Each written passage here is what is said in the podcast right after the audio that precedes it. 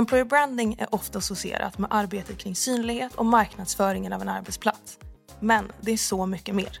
Kraftfull employer branding byggs in i organisationen och sprids sedan ut. Det handlar om att skapa en upplevelse av en arbetsplats som är värd att prata om och vilja vara en del av. Och idag när kandidater beter sig mer som kunder är det ännu viktigare att ställa om från kandidat till att tänka kundidat. Du lyssnar på Kandidatresan, en podd av Visma Talent Solutions med mig, Katrin Chamera. I dagens avsnitt gästas vi av Alexander Burman och pratar om hur du organiserar en onboardingprocess som säkerställer att ni behåller era medarbetare. Vi går även in på vad du behöver tänka på när hybrida arbetsplatser kräver en digitaliserad onboarding. Alexander är VD på Servicepoint. Ett företag som har som syfte att skapa en friktionsfri arbetsplats för människor med hjälp av automation i onboardingprocessen. Han har flerårig erfarenhet inom försäljning och digital marknadsföring och brinner för att skapa resultat tillsammans och genom andra. Välkommen Alexander. Tack. Idag ska vi prata onboarding, men vad innefattar onboarding? Bra fråga. Ganska många olika steg skulle jag säga. Men framförallt så skulle jag säga att grunden handlar om att skapa en positiv upplevelse för den nya kandidaten. Hur långt brukar man säga att en onboarding sträcker sig? Eh, det kan ju vara lite olika, men jag skulle säga att i bästa av alla världar så är en onboarding sex månader. Det vill säga precis lika lång som själva provanställningen är. Inom produktutveckling så pratar vi också om onboarding, men det brukar kallas för time to wow. Mm. Och jag gillar verkligen det uttrycket, för att när man tänker onboarding blir det väldigt mycket fokus på arbetsuppgifter, komma mm. in, komma ombord. Men time to wow skiftar fokuset till att faktiskt få kandidaten, den nyanställda, att känna här vill jag vara. Så jag tror att det är ett bra hjälpmedel för chefer och de som planerar onboardingen att tänka hur kan vi wowa den här personen? Absolut, jag skulle säga alla dagar i veckan. Eh, framförallt utifrån att det är affärskritiskt. Idag så är det som så här att när en person börjar så har du ett fönster på ungefär två veckor. Där kommer kandidaten kunna känna, kan jag vara långsiktig här? Är magkänslan bra? Mm. Så om du redan där kan påverka, precis som alla bör göra, det vill säga att ge en positiv känsla av bolaget, produkten och så vidare, ja men gör det. Det behöver inte heller kosta pengar, det här sociala. Eh, det finns ju massa saker man kan göra som anställda uppskattar. Absolut. Men det kan kosta dig pengar om du gör fel. 250 000 ungefär. Det är ingenting man ska riskera. Därav vikten till att kunna ge en positiv känsla till din nya medarbetare och bibehålla den. Då har du tjänat många poäng och förhoppningsvis också sparat väldigt mycket pengar. Just det. Och det är ju mycket att göra för HR, lite tid. Om man vill kvalitetssäkra en onboarding på liksom en lägsta högsta nivå, vad behöver man tänka på då? Ja, men först och främst så handlar det om att skapa en så bra struktur som möjligt och också följa den. Kan man därtill också automatisera de olika delarna, ja men då har du kommit en väldigt bra bit på vägen. Vad innebär det att den är strukturerad? Vikten av att när en ny medarbetare kommer på plats, då ska ja, men skrivbord, dator, telefon, eh, kollegor var informerade. Allt sånt ska finnas. När medarbetaren kommer så är hon eller han naturligtvis väldigt taggad. Kan vi då ta med den taggningen ja men då kommer det bli en positiv onboarding. Så ja, det är inte svårare än så egentligen. Och om man kollar på kandidatresan så fortsätter den ju in i företaget. Hur ska man tänka kring det i onboardingen? Vilka steg, vilka faser finns det och vad behöver man kommunicera när? Bra fråga. Det är också så här, det är lite oberoende på vad det är för bolag och hur strukturen är. Eh, men jag brukar säga att själva preboarding eh, eller onboarding, eh, det är ju en och samma sak egentligen, bara att det är olika faser. Eh, Preboarding-fasen skulle jag säga är superviktig. Det är då kandidaten är så taggad som möjligt. Liksom. Så kan vi redan där påminna kandidaten vara, vara så nära kandidaten, skicka ett påskägg eller bara ett samtal eh, innan hen börjar, ja, men då har du kommit en väldigt bra bit på vägen. När kandidaten väl kliver innanför dörrarna, ja, men återigen, ja, men då ska det vara struktur. Hon eller han ska veta vad det är som händer. Framförallt första veckan, superviktig.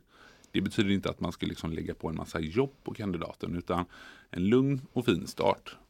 Mm. Det är min rekommendation. Mm.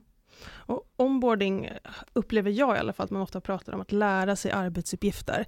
Eh, men det sociala är ju lika viktigt. Mm. Hur tar man höjd för det i den här strukturerade onboardingprocessen? det handlar om att involvera kollegor egentligen. Kollegor och chefer eh, måste synas. Eh, kan man därtill boka upp eh, one-to-ones med närmsta chefen, eh, boka in några luncher med de nya kollegorna. Ja, men trevligt. Mm, absolut. Och vilka behöver vara involverade i onboardingen? Vilka har ansvar i den processen? Eh, jag skulle säga att det är allt från HR, IT och närmsta chef. Men det är framförallt rekryterande chefen, då, det vill säga närmsta chefen, som har det största ansvaret. Mm. Och hur kan man se till att chefen faktiskt prioriterar onboardingen?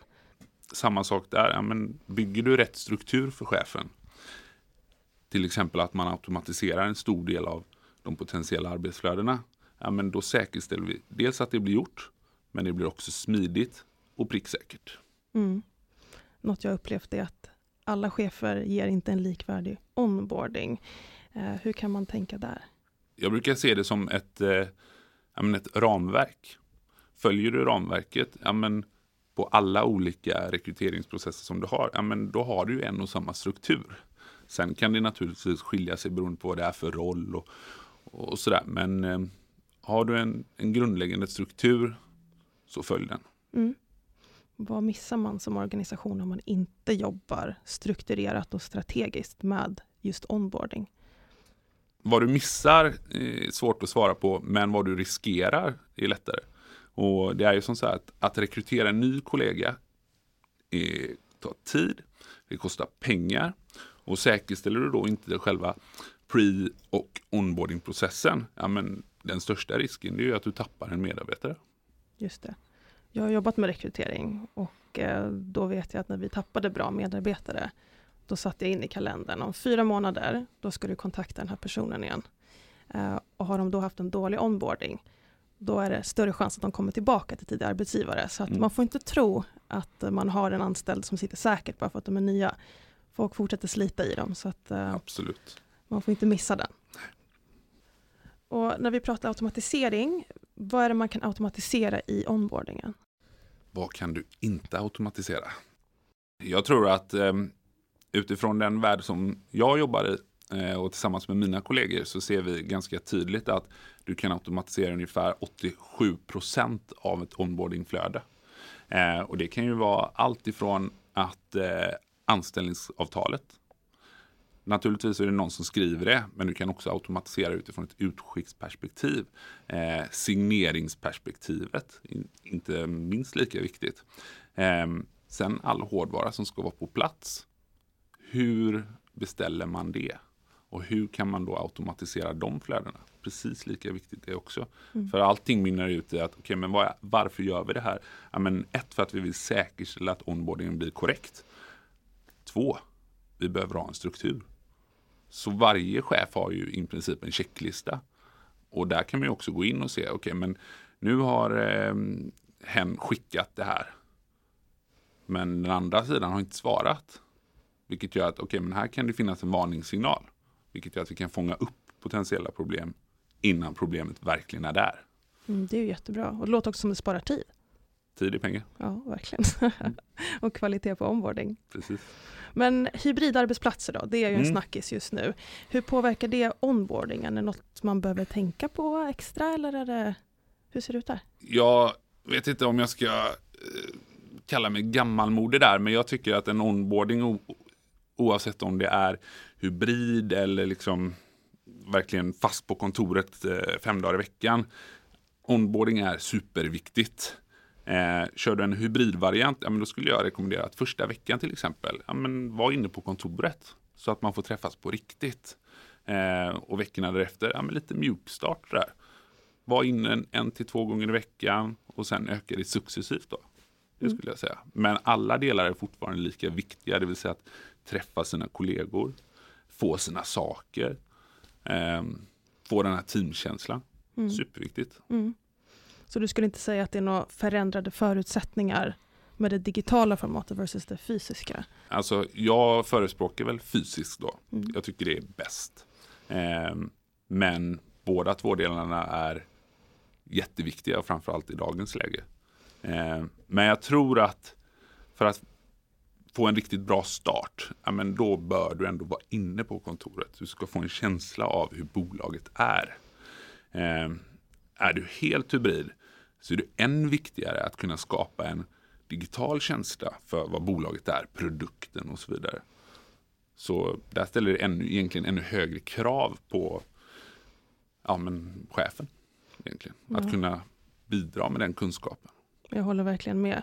Ibland kan det kännas som att det fysiska formatet är som en liten falsk trygghet. Att mm. man känner att ja, men onboardingen har högre kvalitet för det kommer mycket vid sidan av. Medan mm. när man skalar bort det där som man tänker att man får gratis så ser mm. man vad man verkligen får för effekt av det. Så att, eh, det känns som det digitala kanske kan höja nivån på den fysiska onboardingen också. Att de liksom har den påverkan på varandra. Mm. mm. Det kan det. Mm. Men så avslutningsvis, om eh, våra lyssnare vill börja jobba effektivt med onboarding, vad är tre saker de ska tänka på då? Sätt en tydlig struktur som kan appliceras på alla olika nivåer. Eh, var öppen mot kandidaten redan i preboardingfasen, att ni verkligen vill ha personen i fråga.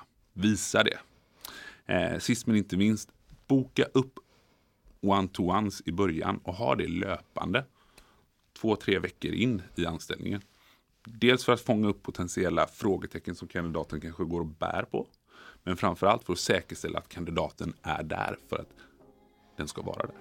Vill vara där. Superbra. Tack så mycket Alexander. Tack.